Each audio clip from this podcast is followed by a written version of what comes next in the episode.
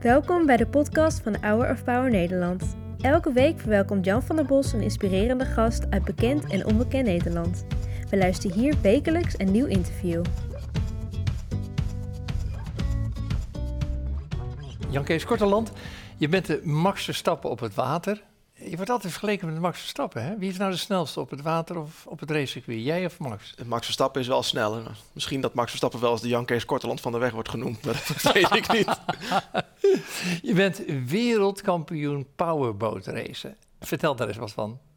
Ja, eigenlijk eh, vanuit mijn werk altijd al met, met boten bezig geweest. En ontdekt dat ik een talent heb om uh, boten uh, zeer snel te kunnen laten varen. En daar zijn we wat mee gaan doen. Sponsors gevonden en in het racecircuit beland. Is het leuk? Ja, heel leuk. Waarom is het zo leuk om zo snel te, te racen op het water? Om te kijken of je het maximale uit zo'n boot kan halen. En, ja. en, en, natuurlijk je concurrentie voor kan zijn. En dat ja. is een heel leuk spel, vind ik. Ja, ja. Ik weet dat je vader een bedrijf in boten had. Uh, maar dat betekent nog niet dat jij uh, de snelste man op het water ter wereld wordt. Nee, het is wel, dat betekent wel dat ik van jeugd af aan altijd met boten bezig ben geweest. En ook al waren ze heel klein, altijd proberen of die iets harder kon. En dat, dat, is, dat zit wel een beetje in mijn bloed, denk ik. Hoeveel power zit er achter, hangt er achter zo'n boot? Want ja. je hebt er twee, hè? Ja, twee verschillende klassen waar we varen. De ene heeft 300 pk, de andere heeft 800 pk. Oh, 800 pk maar. Ja, maar ja. ja. Zullen we eens gaan kijken? Introduceer eens even Como 23 voor onze kijkers. Ja, dat is de laatste race die wij uh, gedaan hebben. En uh, Como is een hele idyllische plek met heel veel historie. Die race die gaat al 4, 75 jaar gewoon elk jaar door. En uh, ja, dat is de laatste race die wij gedaan hebben en met succes. Gewonnen? Ja. Ja, alweer? Ja, eigenlijk wel, ja. ja. Laten we even gaan kijken naar Como 23.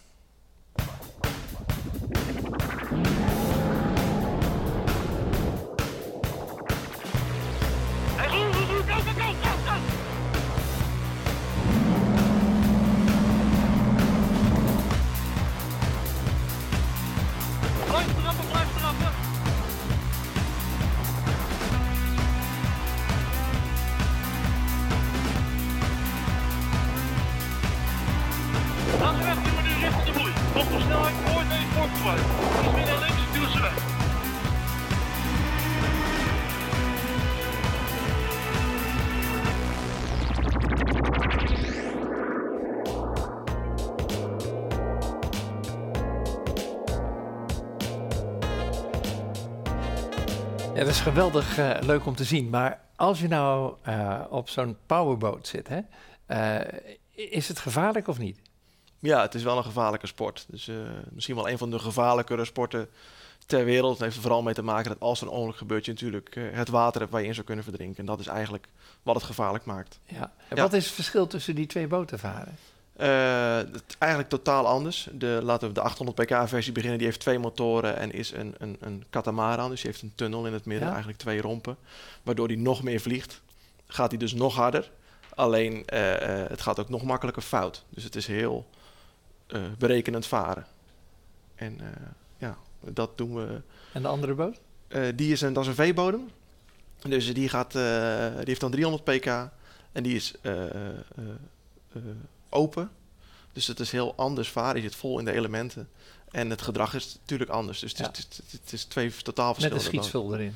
Ja, zo noemen wij het. Ja. Maar, dus, uh, het is niet een officiële schietstoel. Maar doordat de boot open is, is het, het verplicht om geen gordel te dragen. Uh, het was verboden om een gordel te hebben. Omdat in het geval van een ongeluk je uit de boot vliegt in plaats van dat je erin vast zit. Nou, dan lig je lekker in het water.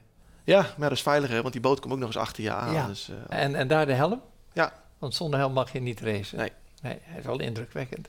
Bewust fel oranje zijn, uh, moet verplicht zijn, uh, omdat die het meest opvalt uh, in, in, in de golven. Ja. Heb je al eens een ongeluk meegemaakt? Ja, tijdens een, het, het zwaarste ongeluk wat ik meegemaakt is tijdens een training geweest. zelf even snel nog wat proberen en vervolgens de boot omgeslagen. en ik was alleen. Ik had wel ballast op de plekken waar mijn broer normaal zit, dus ik had het helemaal in de race trim gedaan. Maar daar is het gevaar even snel nog wat testen voordat je gaat eten, want zo was het ook echt. Vervolgens uh, draai ik de boot om. Gelukkig had ik niks, want het gebeurde echt wel met 120 km per uur. Dus het was een serieuze klap. En lig je daar in je eentje in het water met die boot op zijn kop. Dus het eerste wat ik denk van, hoe heb ik dit nou over elkaar gekregen? Maar ja, en nu? Die gaat zinken, je ligt ja. op een snel stromende rivier. Maar gelukkig kwam er gelijk een binnenvaartschip helpen. En ik zag een jachtje varen, die heb ik geroepen. En hebben de boot het water afgesleept de haven in om hem te bergen.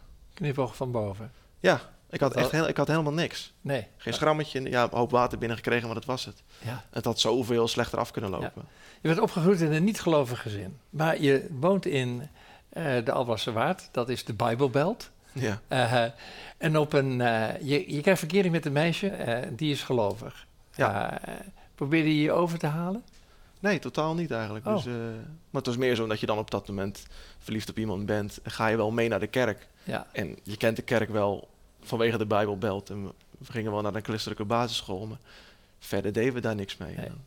Dan ben je 24 eh, en je moeder overlijdt. En dat is een punt, een markeringspunt in je leven, waarin ja, je leven eigenlijk stil komt te staan. Waarom was dat zo moeilijk voor je?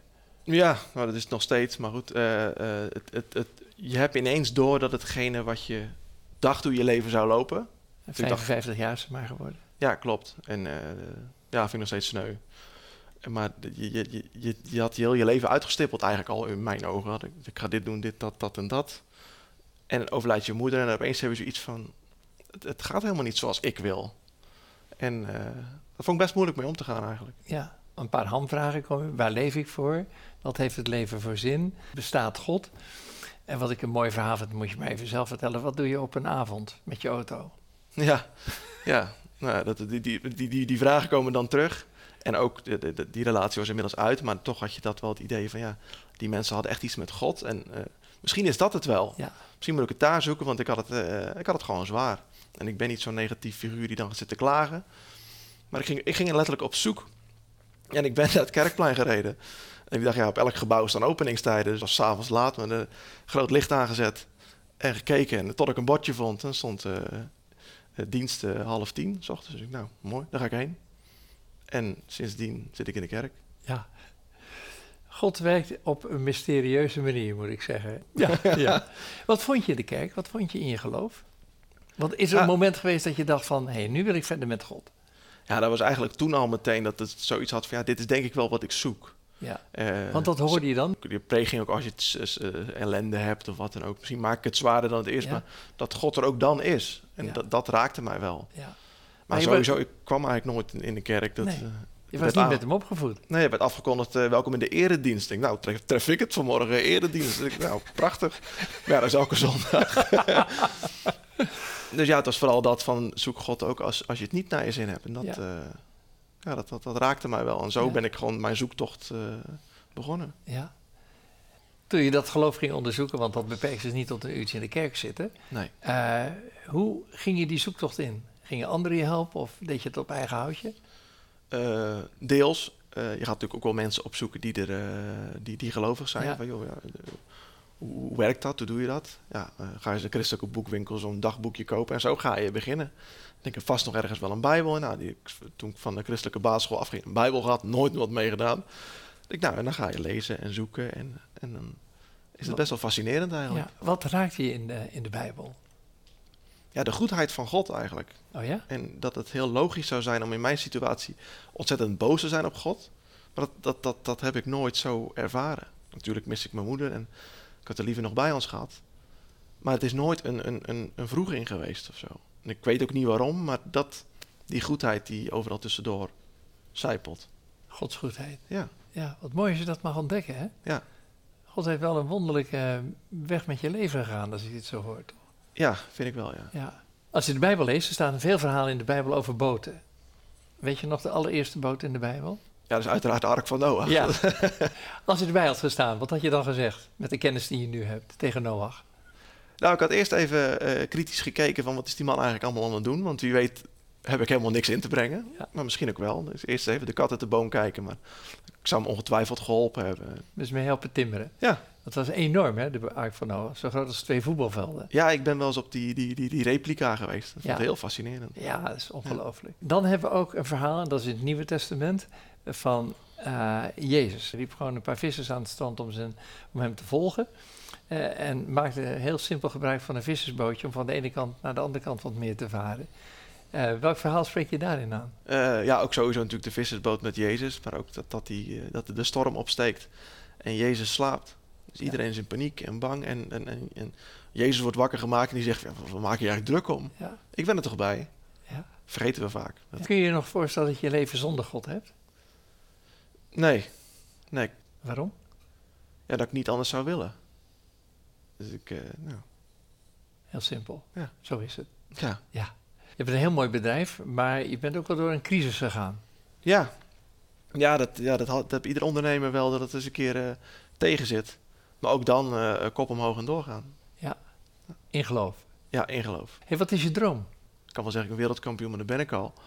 Eh, En verder kun je niet halen, hè, natuurlijk. nee, niet zodat dan het leven compleet is. Ja, Ik zou het wel heel mooi vinden als, als mensen achter je rug allemaal alleen maar goed nieuws te vertellen hebben. Dat Ja. zou ik wel heel mooi vinden. ja. Wat zeg je tegen mensen, want je steekt je geloof niet onder stoel of banken, die zeggen, joh, ah, hoe kan het nou dat jij eh, wereldkampioen eh, op het water bent en tegelijkertijd een, een gelovige jongen? Maar die vraag is mij gelukkig nooit gesteld, dus ik heb hem nooit Ah, hoeven ja, verdedigen. kom on, niet gelukkig. Het zou leuk zijn als ze dat... eh, Ja, dat kan ook, ja. Ja, dan ben ik de eerste die het je stelt. Ja. en wat zou je dan zeggen? Ik, ik zou er geen, geen probleem van maken, want het is, het is, je zet je talent in. Eh, je komt op eh, plekken waar je anders nooit zou komen. Het is ook een avontuur. Eh, je spreekt heel veel verschillende soorten mensen. Het komt voor dat ik ergens in Dubai bijvoorbeeld met een bepaalde sheik in gesprek heb over Allah en Jezus. Ja, dan hebben we toch een soort discussie. ja. Maar wel op een hele vriendelijke manier. Ja, dat, dat gebeurt normaal nooit. En daardoor mag ik op plekken komen, mag ik mensen ontmoeten die ik normaal nooit zou ontmoeten. En hopelijk iets mag, mag delen. En dat, dat, dat hoeft niet in een verhaal te zijn, kan ook in eh, doen en laten zijn van bepaalde dingen. Ja, mooi. Je bent ook betrokken bij eh, allerlei organisaties die zich inzetten voor eh, de armen van de wereld. Mercy Ships vind ik een hele mooie organisatie. Met die varende ziekenhuizen. Ja, Ja. Dat vind ik dan ook wel. kunnen we ook als bedrijf zijn er wat voor betekenen in onderdelen en, en, en, en gewoon de, de toewijding die mensen daar op zo'n schip doen om anderen te helpen. Ja, Belangeloos. Ja. Vind ik heel bewonderenswaardig. ja, de handen en voeten van Jezus zijn. Ja. Wat zie jij in Jezus? Ik zie iets heel vriendelijks. Eh, ja, met die liefdevol komt er echt wel terug. Zie je hem ook als jouw redder? Ja. Ik zou niet weten hoe ik wat ik zonder moet doen. Dus ja, dan is het je redder. Mooi. Ik wens je heel veel eh, succes toe. En hoe lang blijf je nog racen, eh, Jan Kees? Zolang als dat het, eh, het kan. Tot je 65ste. Ik heb begrepen dat je licentie geldig is tot je 70ste als je het iedere keer blijft verlengen. Dus Oh, Oké. Nou, dan blijf je nog heel lang wereldkampioen, want je bent gewoon de beste. dank je. Ik eh, wil je niet met lege handen laten gaan. Leuk dat je in Out of Power wilde komen. Ik had nog gevraagd of je met de boot hiervoor wilde varen. Maar Volgende keer. een volgende keer, Ja. daar hou ik je aan, want dan ga ik natuurlijk een eindje meevaren. Ja. Oké, goed. Alle gekheid op een stokje. Ik geef jou een mooi cadeau van Hour of Power. En dat is met een kruis erop. Moet je eens kijken, bijzonder hè? ja, dat vind ik mooi. Ja, eh, ik zou zeggen, probeer hem even. Ja. ja, ik vind het mooi, want ik, eh, ik vind dit soort subtiele dingen, dat mensen dat toch aan een armbandje zien van, eh, wacht even, misschien is dat wel een broeder. Ja. Dat zal je vrouw blij zijn als je thuis komt. Die is altijd blij als ik thuis kom. Oké. Met of zonder armband. Mooie verhaal, dankjewel. Ik vind het ontzettend leuk hoe jij eh, als nuchtere Hollander eh, wereldkampioen bent. En als eh, nuchtere christen ook zegt wat God in jouw leven betekent. Bedankt voor het luisteren naar het interview van deze week. We hopen dat dit verhaal jou heeft bemoedigd. Wil je meer weten over Hour of Power of andere interviews bekijken? Ga dan naar www.hourofpower.nl.